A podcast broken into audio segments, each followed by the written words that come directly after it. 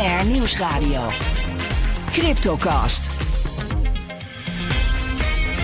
Herbert Blankenstein. Hartelijk welkom in de Cryptocast met vandaag. Nieuwe Europese sancties moeten Rusland afsluiten van crypto-wallets en beurzen. Maar kan dat zomaar? En de eigen smart chain van Binance is gehackt. Er staat zo'n 600 miljoen dollar op het spel. Dit is aflevering 241 van de Cryptocast met nu een half uur crypto nieuws op de radio. En daarna gaan we door als podcast over vermogensbeheer in crypto. Met onze gast Jos Lazet, medeoprichter en CEO van Blockrise. Hartelijk welkom. Dank u wel.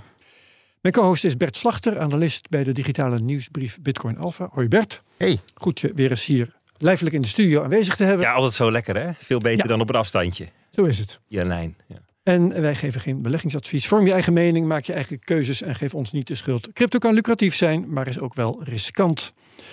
Het nieuws is dat nieuwe Europese sancties Russen moeten gaan verbieden om crypto wallets en crypto exchanges te gebruiken. Eh, voorheen konden Russen met een tegoed van 10.000 euro of minder nog wel gebruik maken van cryptodiensten. Bert, ik vind dat eigenlijk best wel raar en grappig. Een limiet in euro's. Dan moet je elke dag checken wat de koers is om te beoordelen welke accounts mogen handelen, ja of nee. ja, zo is het. Maar dat is, dat is niet voor het eerst dat we dit zien. Eigenlijk alle interacties met de, ehm, de wereld buiten crypto, dus de fysieke wereld, ja, die worden toch gewoon gemeten in dollars of euro's. Neem bijvoorbeeld ehm, de verplichting die cryptobedrijven hebben om ehm, eh, eh, bepaalde transacties aan te geven bij de FIU, hè, ongebruikelijke trans- transacties te melden. Ja, daar zit ook gewoon een grens van 10.000 euro. En dan moet je dat dus ook al op die manier meten. Oké, ehm, dus dan wachten is op eh, eh, het moment dat iemand daar misbruik van weet te maken. Van we gaan eens gebruik maken van eh, koersverschillen. Als de koers gunstig is, dan ga ik dit doen. En als de koers niet gunstig is, laat ik dat in mijn hoofd. Ja, dus bij het ehm, eh, ontwerpen van de TFR, de Transfer of Funds Regulation in Europa, werd er hier ook over nagedacht. Hè. Hoe zou je, omdat het natuurlijk allemaal programmeerbaar is, dit kunnen misbruiken? Bijvoorbeeld heel Ja. veel kleine transacties achter elkaar. En daarom hebben ze da- daar ook dingen gedaan van nou, dat het bij elkaar minder is of meer is dan zoveel. Weet je. Dus dat, hier wordt over nagedacht. Oké, maar dit was nog maar een detail, want het Ja. ging over eh, Russen die eh, wel of niet mogen handelen. Ehm, vanaf eh, nu dus helemaal niet meer. Maar mijn vraag is dan, hoe gaan ze dat bepalen? Bepalen ze dat op basis van IP-adres? Of kun je crypto-adressen koppelen aan landen op een of andere manier? Eh, wat als ze een VPN gebruiken of een Tor-netwerk? Weet jij hoe dat moet gaan werken? Ja, het gaat hier dus om crypto-dienstverleners. Dus dat zijn bedrijven waar eh, ehm, eh, ja, mensen uit allerlei landen klant kunnen worden, waaronder Russen. En tijdens het klant worden moet je je klant leren kennen. Hè? De, de Know Your Customer procedure. En ja, en daarin ga je er dan achter komen dat iemand Rus is. Dus je weet in principe Ja, als ja. cryptobedrijf eh, uit welk land je klant komt. En die klanten kun je, mag je dus geen diensten meer aan. Ja, als, het, bij, als ze dat bij het klant worden naar waarheid hebben verteld. Maar toen hadden ze nog geen reden om daarover te jokken. Nou ja, je, je moet ook je paspoort laten zien. Hè? Dus je moet, er Dat zit natuurlijk een bepaald eh, proces. Het is ook wat dat betreft, dit gaat niet over het interacteren met Russen. Dat is weer een ander verhaal. Dit gaat echt over het diensten leveren aan. Dit is ook onderdeel van een veel groter Ja. pakket. Het valt onder het kopje Financial, IT Consultancy en Other Business Services. En dus dit wordt er nu helemaal uitgelicht. Maar ja, dit is eigenlijk maar één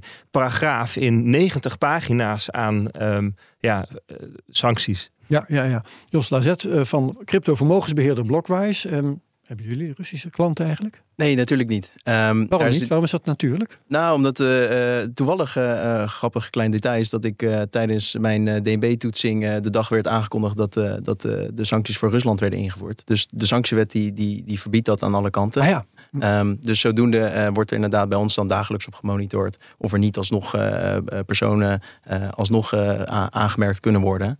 Dus er zijn gewoon, er zijn gewoon strenge regels op, op bedacht om dat, om dat te voorkomen. ja, dat begrijp ik. Oké, ehm, maar Bert, die 10.000 eh, euro limiet was denk ik bedacht om gewoon Russen nog de kans te geven om te doen wat zij zouden willen, wat misschien gunstig was voor hun. Waarom zou je die een in de weg leggen? Dus wat was het probleem? Waarom moet dat nu veranderd worden? Werd met die transacties eh, gestapeld bijvoorbeeld? Dat een eh, transactie van een miljoen werd verdeeld over 100 transacties van 10.000 of zo? Nou, dat staat Oh nee, het ging over vermogen. Ehm, ja, Het ging over saldo. Ja, het ging over saldo. Maar het, het, kijk, het, het- dit staat er ook gewoon niet bij. Hè? Dus dit, Hm? dus dit Waarom is ze dit hebben gedaan. waarom ze het hebben gedaan. Dus wat, wat, wat, hè, waarom ze het, die, die limiet hebben verlaagd. Maar meer algemeen kun je zeggen dat de, de, dit is geloof ik al de achtste upgrade van de sancties. Het achtste pakket noemen ze dat dan. En dat Ja. is vaak gewoon een uitbreiding. En ze breiden die sancties steeds verder uit om het, ehm, de, de Russen en Rusland steeds moeilijker te maken om hun economie draaiende te houden. En dus dat is dus, dus elke keer, het zijn, zijn allemaal diensten die daarin staan. Die ze, ja, die ze nodig hebben eigenlijk voor een economie, die ze niet zelf hebben. Ja, en de- dit is gewoon één zo'n, één van de vele kleine schroefjes die ze nu weer een slagje verder hebben, hebben aangedraaid. Ja, maar er zijn toch wel Russische crypto-exchanges? Ja, ongetwijfeld. En ook buiten Europa. Hè? Want dit geldt eh, Ja. natuurlijk alleen maar voor, voor, voor Europa. Dus ze kunnen gewoon Zuid-Afrikaanse, Koreaanse, Japanse, Australische. Ik bedoel natuurlijk, eh, Saoedi-Arabië die is heel faciliterend tot nu toe geweest. Dus ik denk dat Het de gemiddelde Rus, ja, niet echt veel korter. eh, Die redt zich wel. Ehm, eh, ook als het gaat om, want dit ging over crypto-dienstverlening. Ook als het gaat om wallets. Want wallets, ja, dat is software. Die kun je toch altijd wel ergens krijgen? Ja, klopt. Ja, dus, dus wat dat betreft ehm, heeft de EU helemaal niets te zeggen over wat een Rus op zijn eigen computer installeert en wat hij met zijn eigen internetverbinding doet. Dus eh, puur het draaien van software die rechtstreeks op met blo- blockchains connect, zoals een Bitcoin wallet, Bitcoin software of, of, of, of MetaMask, daar heb je op geen enkele manier invloed op. In het begin van eh, de oorlog ging het veel over crypto. eh, over dat Rusland sancties zou kunnen ontduiken door transacties te doen in bitcoin bijvoorbeeld. Eh, over gewone Russen die hiermee misschien hun roebels nog snel konden dumpen om hun geld in veiligheid te brengen. Over Oekraïne dat collecteerde. Hoor je niet zoveel meer over. Is crypto nog een factor in de oorlog? Ja, ik denk het eigenlijk wel. Hè. Dus, Mhm. ehm, in de zin dat het gewoon voortdurend nuttig blijkt, blijft eh, in, een, in, in een situatie waarin je ehm, er niet zeker van kan zijn dat financiële diensten het doen. En want dat is gewoon nog steeds wel het geval. Hè. De internetverbindingen die af en toe weg zijn, eh, DDoS-aanvallen op allerlei eh, IT-infrastructuur. Ehm, eh, ook vertraging via allerlei internationale stappen. Dat geld vanuit het buitenland naar Oekraïne moet komen of terug. En ook Rusland. Dus ik denk dat het gewoon dezelfde rol nog speelt als in februari. En we hadden het er toen heel veel over. Omdat het toen natuurlijk iets nieuws wat was. Dat, dat, dat landen, dat twee vijanden. Dat daar allebei, in allebei de situaties, de burgers en de overheidsorganisaties van een gedeelde infrastructuur gebruik maken en er allebei iets mee konden. En dat was natuurlijk een nieuw fenomeen. En ja, nu, nu wordt het gewoon nog steeds gebruikt. Oké, goed. Ehm, dat wat betreft eh, Rusland, sancties, crypto. Laten we het gaan hebben over de prijsanalyse. Ik kan gewoon met jou doorpraten, Bert. Ja, Dat is makkelijk. Ja. Ehm, maar er is alleen niet zoveel te melden volgens mij. Want eh, Bitcoin beweegt al een hele tijd eh, niet. Is eh, ja, geen nieuws goed nieuws? Ja, je ziet dan van die memes dat er zo'n mannetje staat met zo'n stok een beetje tegenaan te duwen van leeft het nog? Of nou is het overleden? Nou, het is wel opvallend, want elders op de financiële markten is het, is het hevig. Hè? Hevige bewegingen zien we. Denk aan de Britse obligatiemarkt. Vanmorgen was er weer het nieuws dat de centrale bank Ja. opnieuw gaat ingrijpen. Dus of eigenlijk st- sterker nog gaat ingrijpen. Aandelen zakken weg. Ja, om te voorkomen dat, dat zo'n markt wanordelijk wordt. Hè. Mhm. Dat is het probleem, dat er geen, eigenlijk geen kopers meer zijn. Ehm, nou ja, gisteren bericht je dat de, de Nasdaq gesloten is op zijn laagste niveau sinds juli 2020. Dus die maakt eigenlijk lagere bodems. Ja. En dan zit Bitcoin een beetje zo ja, rond de 20.000 dollar was het elke keer. Er kwamen ook weer memes langs met boven de 20.000, onder de 20.000, boven de 20.000. Weet je, ja, nou ja, goed. dus de- we maken daar maar een grapje over. Maar ja, het is wel heel erg opvallend. Nu al wel weer een paar dagen eronder trouwens. Hè. We naderen toch de 19.000. Ja, maar je zou kunnen zeggen dat we nu ongeveer een maand zitten tussen de, tussen de eh 18,5 en de 20,5 of zo. Hele smal prijsbereik voor zo'n volatiele asset. Ja, precies. En die volatiliteit is dus heel eh, laag. Is die ooit zo laag geweest? Ja, zeker wel. Ehm, alleen dan moeten we wel weer twee jaar terug in tijd. Dus in eh, zomer 2020, juli en augustus en ook in oktober... zag je ongeveer hetzelfde niveau van bewegelijkheid. Ehm, en daartussendoor hebben we natuurlijk wel ja, die boelmarkt gehad. En ook ja, dus Luna en Celsius crashes waren vrij volatiel. Maar we zijn, zitten dus nu weer ja, echt op een laagte. ehm, nou ja, record natuurlijk dan niet. Maar wel ja, sinds tijden. Ja, dat is opvallend. Oké, eh, voor eh, wie bitcoin bezit is het dan in elk geval wel weer prettig. Eh, al zouden de koersen wat hoger mogen. Eh, maar laten we het over wat macro-economisch nieuws hebben. Want de VN roept nu de Fed en andere centrale banken op om te stoppen met renteverhogingen. Want er dreigt een recessie. Waar bemoeit de VN zich nou weer mee? Ja, is interessant, hè? want um, je zou zeggen, Amerika die, die, die moet doen wat hij wil. Is zijn eigen zelfstandige land. Ja. Um, alleen het punt is dat de, de, de rentestanden in de Verenigde Staten, of eigenlijk het monetair beleid rondom de dollar, heeft niet alleen gevolgen voor de Amerikaanse economie, maar ook voor economieën daarbuiten. Ja. Um, en dan met name opkomende economieën, die worden hard geraakt. Bijvoorbeeld omdat ze leningen hebben in dollars of um, energie of voedsel moeten importeren en dan afrekenen in dollars.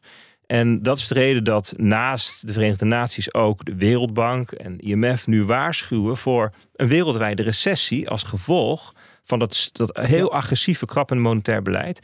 En in het bijzonder um, was interessant dat het IMF ook waarschuwde voor.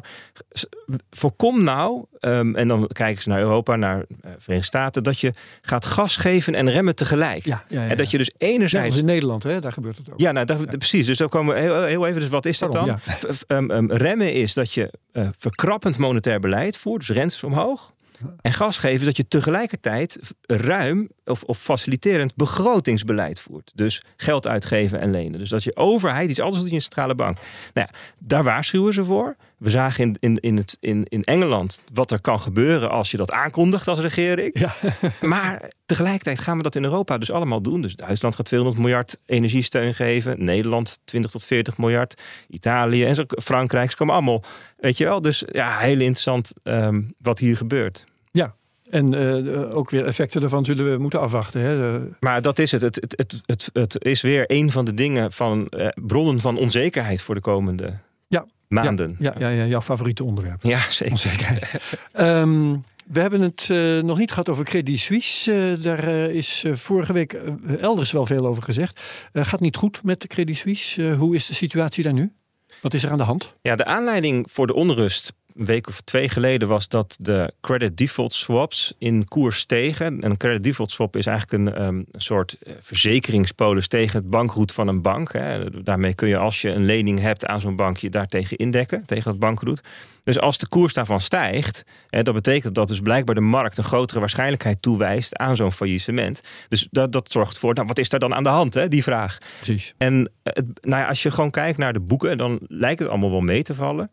Um, maar het heeft wel de vraag van hoe zit het met de banken in Europa weer echt op tafel gelegd. En de ECB heeft er uitspraken over gedaan. En de Nederlandse bank trouwens ook in een stabiliteitsrapport eergisteren of gisteren gepubliceerd. Ja, dat, dat bijvoorbeeld dalende huizenprijzen, die hoge energieprijzen, dat er allerlei redenen zijn waardoor klanten van banken insolvabel kunnen worden. En dat dan, dat dan, dan weer zou kunnen zorgen Daar voor. de bank zelf ook last van. Precies, instabiliteit bij de banken. Ja. Dus het vraagstuk van banken in Europa, ja, dat komt toch wel weer op tafel te liggen. Ja, consequenties voor Bitcoin, crypto? Nou ja, um, dat kan dus verschillende kanten op. Hè? Want um, het kan dus ook ervoor zorgen dat, dat, dat centrale banken eerder moeten besluiten om een agressieve um, verhoging of verkrapping af te breken. En dat kan wat ruimte geven eigenlijk voor ja, uh, risico-assets, hè, zoals bitcoin en tech-aandelen. Het kan ook betekenen dat ze daadwerkelijk die, die, die economie gewoon echt verder het putje in laten gaan. Dat ze dat accepteren als, als bijverschijnsel van het bestrijden van inflatie. En dat zou dan wel weer heel negatief zijn voor de cryptomarkt. Ja, oké. Okay. Uh, dankjewel voor uh, deze analyse van de Bitcoin-markt en de prijzen. Meer details in de digitale nieuwsbrief op bitcoinalpha met ph.nl. Meer nieuws. We zouden het over Binance hebben. Er is weer een uh, groot crypto-project slachtoffer geworden van een hack. Het gaat om de eigen smart chain van Binance. Ik kan dat woord smart chain eigenlijk nooit uitspreken zonder te denken aan Rian van Rijbroek met de smart blockchain van ja. ooit. ja. Hij bestaat dus echt. Ja, ja precies. En uh, de, hij heeft wat, wat defecten blijkbaar. Binance is de grote Chinese exchange. De schade loopt in de honderden miljoenen. Dat wil zeggen, er is, als ik het goed heb begrepen, 600 miljoen dollar verdwenen. Jos Laat zit hier te knikken. Um, 100 miljoen dollar is al weggesluist. Dat is volgens mij de situatie van dit moment. Hè? Maar hoe hebben ze dat voor elkaar gekregen om die smart chain te hacken, Bert? Ja, Binance heeft eigenlijk twee chains. Ze hebben de uh, BNB Beacon Chain, zo heet die tegenwoordig, en de BNB Smart Chain. Vroeger heette die de Binance Smart Chain. En um, daartussen zit een brug. De, een, de eerste wordt gebruikt voor governance, dus voor het nemen van beslissingen over het beheer van die chains. En die tweede, daar draaien al die DeFi, decentralized finance protocolletjes op die je in die Binance-wereld ziet. Tussen zit een brug waarmee je de stokers van de een naar de andere kan um, verplaatsen. De BSC Token Hub. En daarbinnen um, is iets misgegaan. Namelijk, er werd software gebruikt um, om die brug te bouwen. En er zat ergens in een klein stukje, een library die die gebruikt, dat een bug. En heel ver weg. Dat ging dan over um, um, software waarmee je eigenaarschap kon bewijzen. En daar zat dan ergens een foutje in, waardoor een aanvaller, door heel erg kunstig een transactie samen te stellen, te bedenken, kon die tokens, BNB-tokens, maken vanuit het niets. Echt creëren. Die, die waren er niet en toen waren ze er wel. En zo heeft hij dus 2 miljoen BNB-tokens weten te maken. En nou ja, dan Hij heeft geld zitten drukken. keer de prijs van 300 dollar, kom je op 600 miljoen dollar zo'n beetje. Ongelooflijk. En, ja. en nou ja, wat doet een. eh, het was trouwens niet zo'n hele slimme hacker, heb ik begrepen. Want het had allemaal veel sneller gekund. Maar hij ging op een redelijk omslachtige manier dat dan zo snel mogelijk wisselen naar dollars. USDC of andere, ik geloof Ether ook. Hè. Dus, eh, hoe heet die dingen? Eh, st- Stablecoins dus. Stablecoins. Ja, want die kun je natuurlijk niet zomaar bijmaken. Hè. Die kun je ook niet zomaar afpakken. En dat is natuurlijk een interessanter vraagstuk. Hè. Dus hij dacht van nou, zo snel mogelijk naar die dingen. En, en dan het Binance-ecosysteem uit. en dan, nou ja, dan heb ik ze. Maar goed, toen hebben ze die chain dus bevroren en vastgezet... ehm, voordat hij alles weg kon sluizen. Dus daarom 600 miljoen inderdaad is er gemaakt. Maar ja, de schatting is nu zo'n 100 miljoen... is er ook daadwerkelijk eh, in het... In, in, in, in de vrijheid terechtgekomen. Ja, ja, ja. En, en Jos La- Lazet eh, van Blockwise Vermogensbeheerder, je, je hebt dit blijkbaar gevolgd. Ja, Is het zeker. relevant voor jullie? Eh, het is zeker relevant voor ons. Op het moment dat eh, dit soort hacks plaatsvinden, hebben wij partijen die, zich, eh, die, die ons daarvoor eh, direct informeren. Dus wij kregen gelijk wat meldingen van: hey, let op, er zijn wat rare transacties aan de hand. Daarna kregen we van, van Circle, bijvoorbeeld zo'n zo'n stablecoin, gelijk een melding van: let op, deze transacties zijn, zijn geblacklist. Excuus.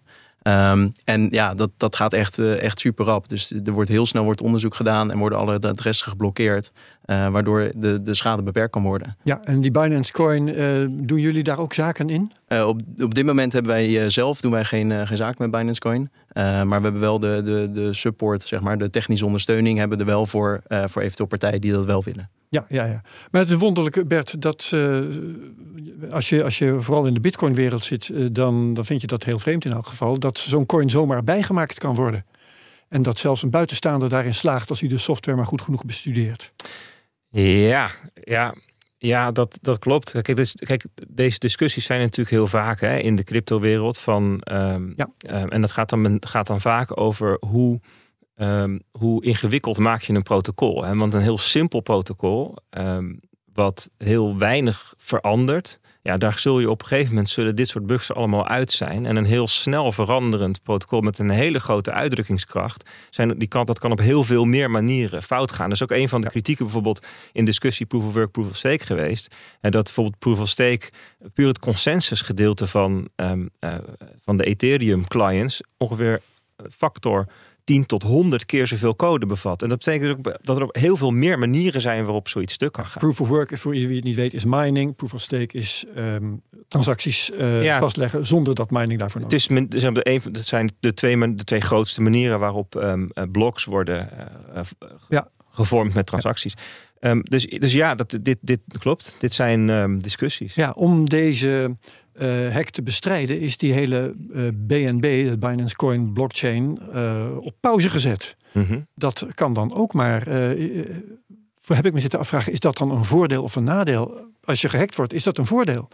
Eh, Bitcoiners zullen zeggen, dat kan dus helemaal niet. Eh, Bitcoin kan dat gelukkig niet. Nee, klopt. En er zijn, je zou, kan er op twee manieren naar kijken, denk ik. Ehm, eh, je kan zeggen van oké, je, je, je zet dat, dat je het stop kan zetten, dat is inderdaad al de eerste. Hè? Dat kan bij Binance, dat kan bij Solana, dat is bijvoorbeeld bij Ethereum al veel lastiger. En bij, bij Bitcoin zo'n zo'n beetje onmogelijk. Maar ehm, ehm, moet je het dan doen? En in dit geval Ja.